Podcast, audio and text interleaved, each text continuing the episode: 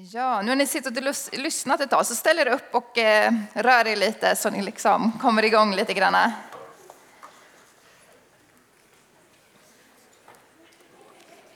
Bra.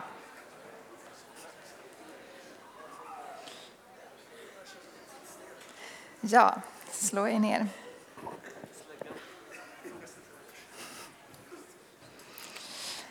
Jag var ju med på den här Atenresan med ungdomarna. Det var fantastiskt. Eh, det är ett jättebra arbete vi stöttar där nere. Det är kul. Jag heter som sagt Jessica och är pastor här i församlingen. Eh, och eh, idag ska jag få predika. Det känns roligt. Hur många här inne har någon gång fått höra att kristna använder sin tro som en krycka i livet? Ja, några stycken har hört den. Jag har fått höra den ibland, att så här, ja, men kristna är liksom som en krycka. Och med den bilden vill man liksom säga att, att kristna, eller troende överlag kanske också, använder tron som en slags, eh, ett sätt att klara av vardagen. Att de är så sköra att om de inte har den här kryckan så, så klarar de liksom inte av livet ordentligt. De klarar inte av att se livet så mörkt som det är, så därför så behöver de den här kryckan. Liksom. Och jag tänker att inget kunde vara en större lögn. För det är ju inte, verkligen inte lättare att sätta sin tillit till Gud än vad det är att sätta sin tillit till människor. Jag skulle säga att när man möter svårigheter i livet så är det ju lättare för mig att tänka att min mamma kommer ställa upp och hjälpa mig än vad jag tänker att Gud, som är så stor och så mäktig, eh, kommer att ställa upp och hjälpa mig. Det kräver mycket mer tillit och mycket mer mod att våga lita på att Gud, den som har skapat himmel och jord, han ser mig och han bryr sig om mig och han står vid min sida. Eh, och Bibeln den varnar faktiskt till och med för att sätta sin tillit till människor. Att eh, göra människor till den som man alltid går till när det är problem. Inte så att vi inte får gå till människor, men att, att i grunden så är det Gud som ska vara källan eh, som vi söker oss till när det är svårt i livet och när vi behöver hjälp. I Jeremia 17, 5-8 så står det så här. Så säger Herren. Eh, Förbannad den man som sätter sin lit till människor, som stöder sig på mänsklig kraft och vänder sig bort från Herren. Han blir som en buske i ödemarken och får aldrig se det goda komma. Han ska leva i förbrända trakter på saltjord där ingen kan bo. Välsignad den man som sätter sin lit till Herren, som litar helt till Herren. Han blir som ett träd planterat nära vatten. Det sträcker sina rötter mot bäcken. Det har inget att frukta av hettan. Bladen är alltid gröna. Det ängslas inte under torra år. Upphör inte att bära frukt. Här är det liksom som att det här bibelordet sätter två ytterligheter mot varandra. Vi har en Eh, en man som då vänder sig bort från Gud och sätter hela sin tillit till människor och människors kraft. Och sen har vi en som, som väljer att sätta sin tillit till Gud och eh, eh lita på honom när svåra tider kommer. Och det är väldigt tydligt i Bibeln generellt liksom att det finns en slags välsignelse i att välja att lita på Gud. Eh, att välja att, eh, att lita fullt på honom. Och hur den här välsignelsen ser ut är säkert lite olika. Så. Men en av sakerna är att, att när det kommer tuffa perioder så får man ha frid inombords. Man behöver inte oroa sig när, när tuffa år kommer för att man får luta sig tillbaka på Gud. Och det handlar om att man vet vem som tar hand om en. Vem som är ens Gud och att den guden är stor. Att den guden är mäktig som man, som man håller sig till. Men hur lär man sig lita på Gud? För det är ju kanske då inte så enkelt. Um, på många sätt tänker jag att det handlar om att, att, precis som man lär sig att lita på andra människor, lite samma process är det faktiskt att lära sig lita på Gud.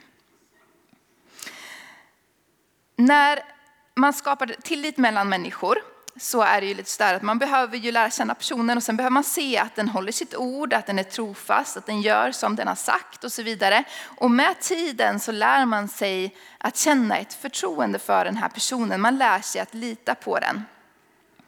Ehm, och lite så att ja, men jag kan ju höra talas om någon, ja, men Jenny som stod här uppe då. Eh, jag kan ju höra folk pra, prata om henne och berätta för mig om hur hon är. Och, eh, och då får jag ju på något sätt en bild av hur hon är som person. Eh, och jag kan ju ana då att ja, men henne kan jag lita på, hon, hon står vid stor och är trofast och så vidare. Men det är ju först när jag själv faktiskt lär känna Jenny som jag själv lär mig att okej, okay, men det stämmer faktiskt. Hon är sån här som människor har beskrivit henne. Eh, och lite grann så är det ju med Gud, att vi lär ju känna honom genom Bibeln. Vi lär oss intellektuellt hur Gud är i Bibeln. Vi förstår saker om honom. Kanske också andra människor berättar saker om honom. Men det är först när vi lär känna Gud personligen Eh, när vi lär känna honom som person, som vi, när vi har en relation med honom, som vi kan börja bygga den tilliten tillsammans med Gud. Där, där, vi får se att det där som Bibeln talar om, det stämmer faktiskt. Han står vid min sida genom svåra tillfällen. Han är, eh, när, när livet är tufft så är han fortfarande där och han leder mig igenom det. Ehm, jag har ett, ett sånt ehm, upplevelse, det var en av de här första gångerna i mitt liv som, som jag verkligen kände att ja, men nu Gud behöver du dyka upp. Så, eh, jag hade en period då jag utbildade mig då till pastor. Eh, och så blev det lite för mycket i livet så jag kände att jag behöver ta en paus från mina studier eh, och ehm, mådde helt enkelt inte så bra. Och så tog jag den här pausen och det innebar ju då att jag förlorade mitt CSN och jag hade inget jobb. Eh, så då var jag så här, jag var på ett läger och så vet jag så här, okej, okay, jag behöver hjälp att klara den här månaden. Så, eh, och jag sa till Gud att Gud, jag orkar inte jobba, jag är alldeles för trött och eh, jag, jag eh, får inte de här pengarna nu. Nu, nu. nu är det dags för dig att dyka upp och visa att du faktiskt finns och att, att jag kan lita på dig när det kommer sådana här stunder. Så jag bad det eh, och i slutet av veckan, sista veckan, så var det en tjej som kom fram till mig med ett kuvert. Och så sa han, jag upplever att Gud säger att jag ska ge dig det här. Och i det här kuvertet så låg det 2-3 tusen kronor, jag minns inte exakt summa, men tillräckligt mycket för att jag skulle kunna klara mig resten utav den veckan. Jag har aldrig varit med om det innan dess och jag har aldrig varit med om det efter det. Eh, så. Men den veckan, den gången, så, så behövde jag det. Jag tror att Gud verkligen såg att, att det behövdes. Några veckor senare mådde jag bättre och då eh, ringde ett företag och så kunde jag börja jobba. Så det var, det var bra. Men för mig så var den där perioden som var lite tuff jätteviktig. För det hjälpte mig att bygga tillit. Att när jag ser att Gud faktiskt, faktiskt stod fast och står kvar. Och jag tänker att hur Gud gör det är väldigt olika, hur han möter oss i svåra situationer. Men jag tror att ibland så är det faktiskt genom de där tuffa stunderna som tilliten till Gud byggs som mest. Det har gjorts forskning som visar att träd som aldrig utsätts för vind och dåliga förhållanden, de, de klarar sig inte. Eh, deras rötter blir inte tillräckligt djupa, de gräver sig inte djupare för att de inte, de inte utsätts för någonting. Ehm, och jag tänker att det är lite samma med oss människor, att när vi är med om saker så behöver vi se till att våra rötter gräver sig djupare. Och det som händer med träden är att när, när de har för grunda rötter och så växer de högre och högre så till slut faller de. För att de, de, de har inte grundat sig, rötterna är inte tillräckligt djupa. Och så tror jag att det är för oss också, att vi på ett sätt rotar oss i svåra perioder och gör så att vi, och det gör att våra rötter eh, blir djupare och vi kan hålla fast vid Gud och vi förstår att han är trofast.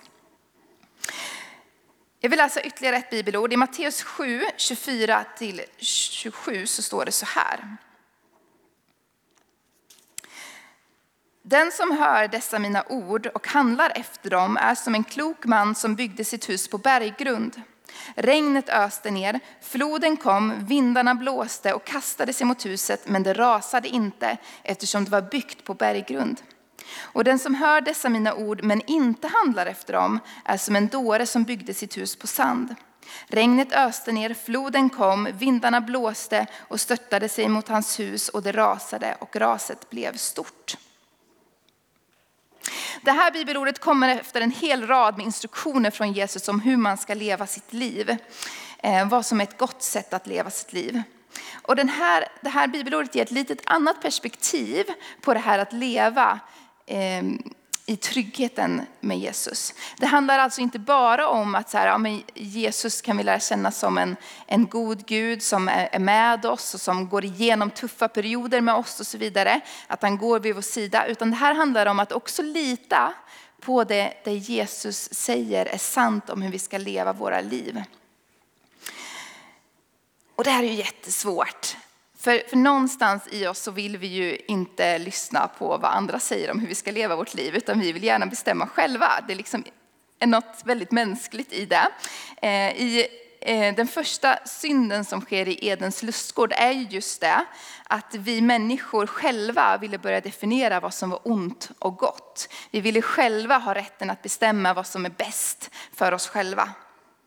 Så vi tog den kunskapen i våra egna händer. Och därför tänker jag att det sitter otroligt långt inne för oss människor att säga att någon annan vet bättre än vad jag vet om vad som är gott för mig och vad som är ett bra sätt att leva mitt liv. Hur många här inne har hoppat bungee jump någon gång? En, är det sant? Bara en, okej, okay. en person har hoppat bungyjump här inne. Jag förstår, jag har inte heller hoppat bungyjump så att jag förstår varför man inte gör det. Men i alla fall. Jag kan tänka mig den här känslan precis innan man liksom ska falla rakt ner så här. Det är en ganska läskig känsla, skulle jag i alla fall tycka att det var. Ehm, och lite den känslan kan man ibland ha med att följa Gud. Ehm, det är liksom lite det här, oj, kommer det här att hålla? Jag hoppas det är så. Men när man hoppar bungyjump så är det ju faktiskt så att det är inte så att man, det är en ganska stor sannolikhet att det håller. För man vet ju att de har kollat anordningen, andra människor har hoppat innan en och så vidare. Eh, så det är inte så att man gör det utan att veta någonting. Och Gud lyder vi inte utan att veta någonting, utan vi kan se i, i Guds ord att Jesus går att lita på. Det han säger om hans undervisning om vårt liv eh, är det bästa för oss. Men ibland kan vi behöva hoppa för att veta att det håller. Och så är det också med att följa Jesu undervisning. Att du kommer först se välsignelsen i att följa honom när du gör som han har sagt. Jesus ber oss att lita på honom först. Lita på mig först och så kommer du se att när du har byggt huset att det håller. Det är först när du har byggt huset och det börjar storma som du ser skillnaden på om du har byggt ditt hus på en sandig strand eller om du har byggt ditt hus på en klippa. Innan du har byggt kommer du inte veta och innan det stormar kommer du inte heller att veta. Det är först när det börjar storma som du vet om du har byggt det på, på den här klippan. Men Bibeln lovar att när vi bygger vårt liv på Jesus och hans undervisning eh, så, så är det, då, då bygger vi tryggt. Då bygger vi för att det ska kunna hålla.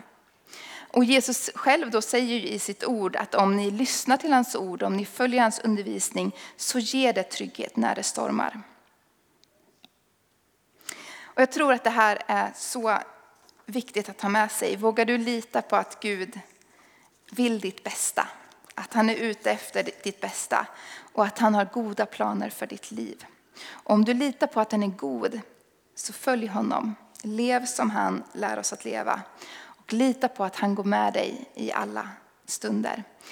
Och vi får stå på de där löftena om att, att Gud, han är god.